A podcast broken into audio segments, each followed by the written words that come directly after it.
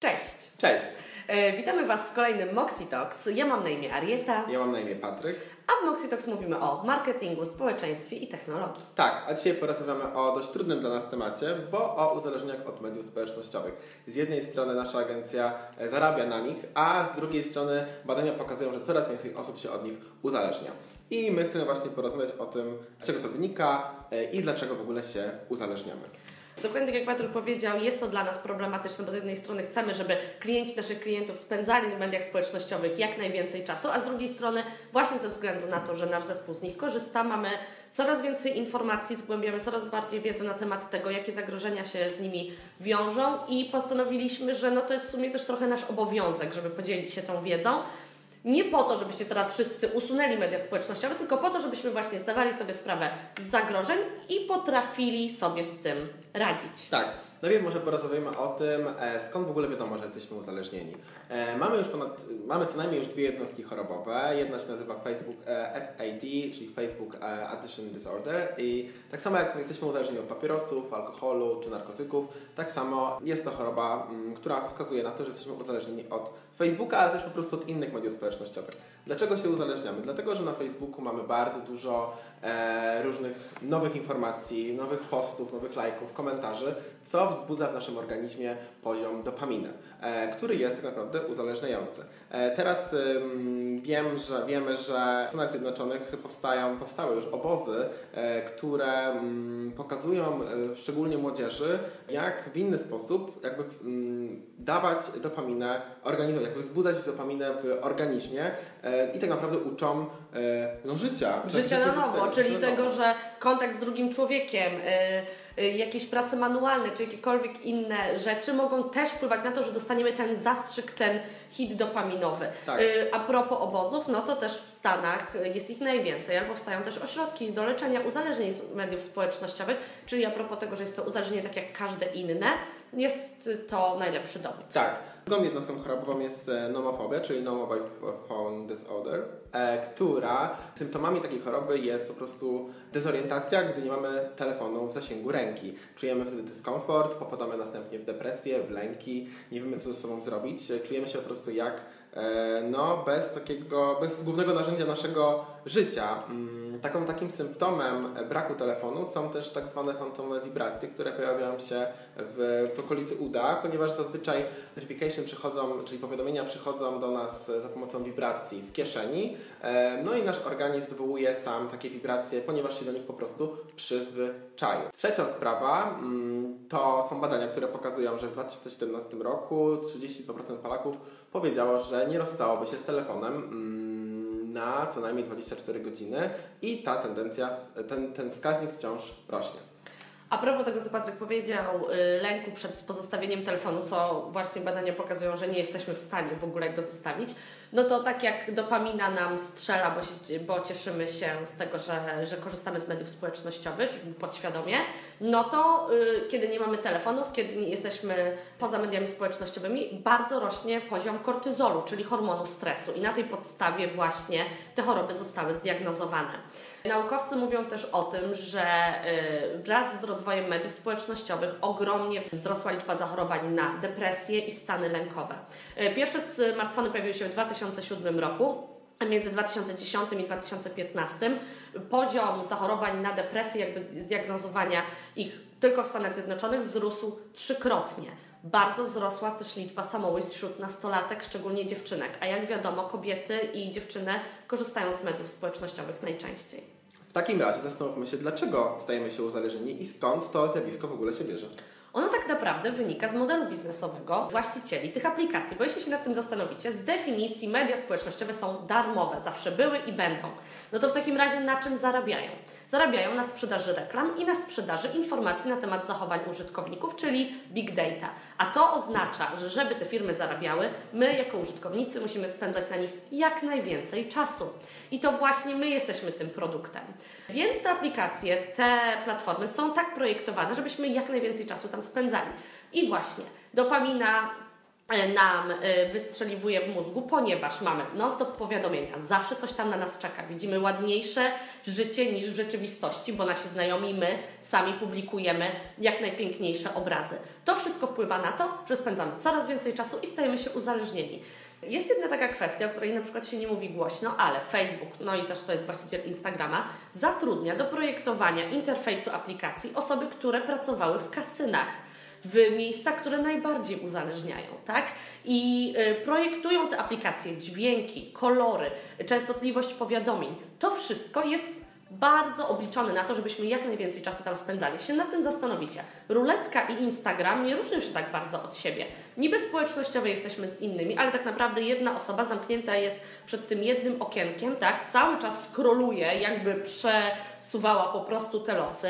Nagroda jest co jakiś czas jakaś, bo to jakiś like, jakieś serduszko, powiadomienie, wiadomość prywatna.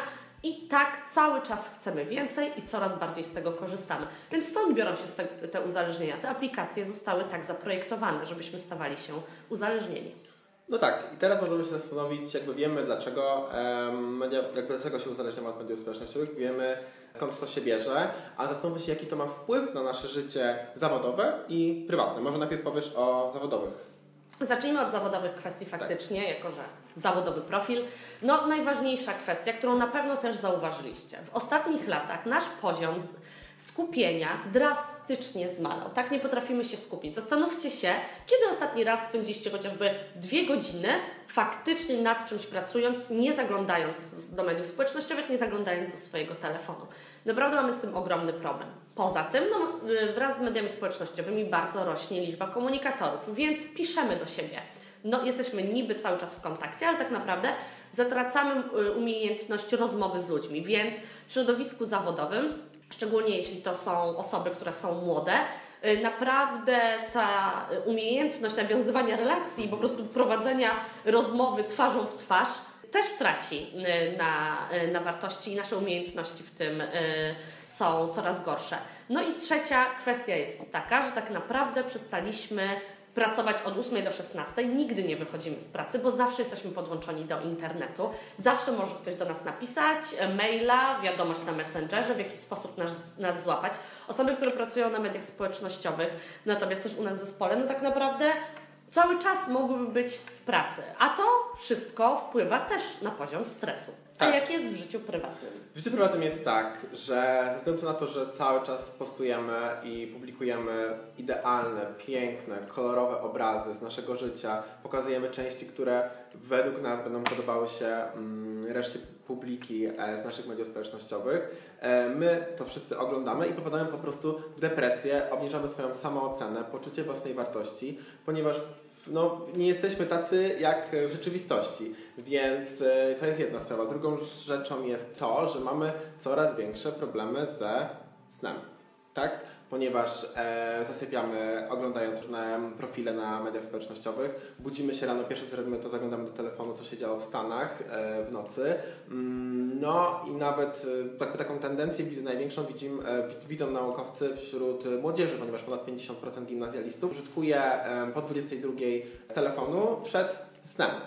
Trzecią taką rzeczą jest już taka mm, zdrowotna kwestia, ponieważ powstaje tak zwana smartfonowa szyja. Ja że za Wyciągnięta tak, do przodu, e, przez oglądanie po prostu telefonu cały czas. No i też y, chyba z kciukiem też jest taki problem, tak. że cały czas go jakby trzymają cały czas telefon. To jest nienaturalny chwyt y, tak naprawdę dla naszego ciała, tak samo jak właśnie szyja, która wpływa później na ból w plecach tak. i po tak. prostu naszą postawę podwójny ciała, podwójny podbródek i tak dalej. No to w związku z tym, jak trzymamy telefony, mamy problemy z nadgarstkami. Oczywiście to też na to wpływ mają komputery, na których też korzystamy z mediów społecznościowych. Także no już u nas w zespole ja tak miałam, yy, Ola też się z tym spotkała, że po prostu musiałyśmy mieć usztywnienie albo robić jakieś ćwiczenia na, na to, żeby dłonie y, lepiej funkcjonowały. Więc tak jak Patryk mówi, to nie są tylko, to nie jest tylko wpływ na nasze życie psychiczne, ale też na nasze życie fizyczne. Tak, no my zdajemy sobie sprawę, ponieważ robimy o tym odcinek e, z takich problemów, które cały czas ten problem wzrasta, ale mm, ze względu na to, że zauważyliśmy to troszeczkę wcześniej, chcemy podzielić się z Wami różnymi tipami, które mm, mogą pomóc Wam, w, pomóc wam bądź Waszym znajomym w właśnie w uzależnieniu od y, mediów społecznościowych. Ja mogę powiedzieć, że kilka, kilka miesięcy temu wyłączyłem totalnie powiadomienia z wszystkich mediów społecznościowych z telefonu. E, można też wyłączyć po prostu totalnie powiadomienia z całego telefonu, e, żeby ktoś mógł się, nie mógł, mógł się do Ciebie na przykład nie dodzwonić w danym okresie, w pracy albo przed zaśnięciem. E, mogę powiedzieć, że faktycznie po kilku tygodniach e, przestałem używać tak często telefonu, mogę się bardziej skupić w pracy, bądź mogę również się skupić w trakcie spotkań z znajomych, bo zazwyczaj jest tak, że patrzymy, rozmawiamy z kimś, a mamy telefon zawsze przy stoliku i patrzymy, czy czasem ktoś nie, do nas nie napisał. Jest też taka opcja jak e, aplikacje blokujące na komputerze, które po pozwalają nam faktycznie skupić się te co najmniej dwie godziny w, e, korzystając z komputera, e, a one faktycznie blokują nam wszystkie inne powiadomienia i blokują nawet wejście na niektóre strony, nawet gdybyśmy chcieli. Bo to faktycznie od tego musi się zacząć, że na początku mamy jakieś aplikacje, czy, czy po prostu narzucony sobie tryb, żeby zerwać z tymi przyzwyczajeniami, które mamy. I tak jak Ty powiedziałeś właśnie, że zauważyłeś po pewnym czasie większą możliwość skupienia się, no to na początek faktycznie trzeba zrobić jakiś krok, czyli właśnie wyłączyć powiadomienia. Ja powiadomienia z mediów społecznościowych też już wyłączyłam bardzo dawno temu i też wyłączyłam powiadomienia mailowe, co bardzo polecam każdemu menadżerowi i właścicielowi biznesu. To, co też w moim przypadku zadziałało, to w momencie, kiedy faktycznie tych informacji na temat tego, jak zły mają wpływ na nasze życie media społecznościowe zaczęły mnie bombardować, ja zaczęłam zauważać u, u siebie pewne symptomy, to wiosną zeszłego roku usunęłam w ogóle aplikacje społecznościowe z telefonu, czyli zniknął Facebook, Instagram i YouTube. Przez miesiąc nie miałam ich w telefonie w ogóle. W pracy korzystałam w określonym czasie do rzeczy zawodowych, a i LinkedIn jeszcze też zniknął z mojego telefonu. Słuchajcie, poziom y, wolnego czasu na czytanie książek, y, to jak poprawił się mój sen, to ile czasu więcej spędziłam ze znajomymi i z bliskimi na rozmowach. Naprawdę miał ogromny wpływ na moje życie. Ja postanowiłam, że muszę faktycznie to w jakimś stopniu kontynuować. No i to na przykład, co, mm, co też stosuję, to to, że nie mam telefonu przez godzinę przed zaśnięciem przy sobie. Wyciszam go, wyłączam wszystkie powiadomienia i odkładam go albo do innego pomieszczenia, albo po prostu daleko od łóżka, bo to też o tym badania mówią. Znaczy, z jednej strony nie ma takich dokładnych e, badań, które już by to wykazywały, bo okres czasu jest zbyt krótki, ale z drugiej strony wiadomo też, że to, że właśnie telefon jest z nami przy łóżku, niekoniecznie jest dobre dla, dla naszego organizmu. Więc co za tym idzie, też musiałam kupić zwykły budzik, żeby po prostu w jakiś coś mnie obudziło, tak? Czyli nie zaglądam też do telefonu jako do pierwszej rzeczy o poranku. I słuchajcie, to jak to wpłynęło na mój poziom snu i jego jakość, to jest coś niesamowitego i polecam każdemu, żeby takie ograniczenia sobie założyć. I to, co mogę też powiedzieć, w razie czego zawsze możecie dodać sobie kontakty do ulubionych, yy, włączyć tryb nie przeszkadzać w telefonie, więc jeśli coś się będzie działo, to wasi bliscy i znajomi mogą do Was zadzwonić. Po prostu no, nie dostaniecie mhm. wiadomości na Messengerze. No tak, ale skoro mówimy o tym, że tak poziom uzależnienia wzrasta, to myślisz, że cokolwiek się zmieni? Zmieni się, ale prawdopodobnie na gorsze szczerze mówiąc, i ja nie widzę tego w optymistycznych e, barwach, właśnie ze względu na to, co mówiliśmy, czyli że te aplikacje tak są projektowane, żebyśmy my spędzali na nich jak najwięcej czasu. I nawet jeśli e, producenci telefonów dają nam nowe, bo jakby widać tak, ten poziom, to zagrożenie, jak to wpływa na nasze życie, więc dostajemy raporty z iOS-a czy Androida, jak wiele czasu spędzamy na telefonie. Możemy sobie ciszyć kolory, żeby to nie było takie pstrokate i tak, aż tak nas nie stymulowało. Facebook też o tym mówi, że będzie nam niedługo dawał powiadomienia i informował, ile czasu spędzamy na aplikacji. No mówi, ale jeszcze tego nie zrobił. I tak naprawdę moim zdaniem to jest tylko takie przypudrowywanie problemu, żeby lepiej to wizerunkowo wyglądało, ale jakby core modelu biznesowego jest taki, że te firmy na nas zarabiają. I dlatego też my nagraliśmy ten odcinek, bo to się nie będzie zmieniać, ale ważne jest to, żebyśmy mieli jak największą wiedzę na ten temat, żebyśmy właśnie mogli wprowadzać sobie pewne ograniczenia, stawiać sobie granice, tak żeby z mediów społecznościowych korzystać, bo one nie są tylko złe, ale żeby korzystać z nich świadomie i wtedy, kiedy my chcemy to robić, a nie wtedy, kiedy po prostu zaprojektowane aplikacje przymuszają nas do tego, żeby cały czas być online. Tak, a czy Wy widzicie u siebie lub w swoim otoczeniu jakiekolwiek syndromy uzależnienia od mediów społecznościowych? Jeśli tak, piszcie w komentarzach, z chęcią Wam doradzimy i odpowiemy na Wasze pytania. Bardzo dziękujemy Wam za to, że byliście z nami w kolejnym odcinku Boxy Talks. Zapraszamy Was do subskrypcji naszego kanału i do zobaczenia w kolejnych odcinkach. Cześć. Cześć.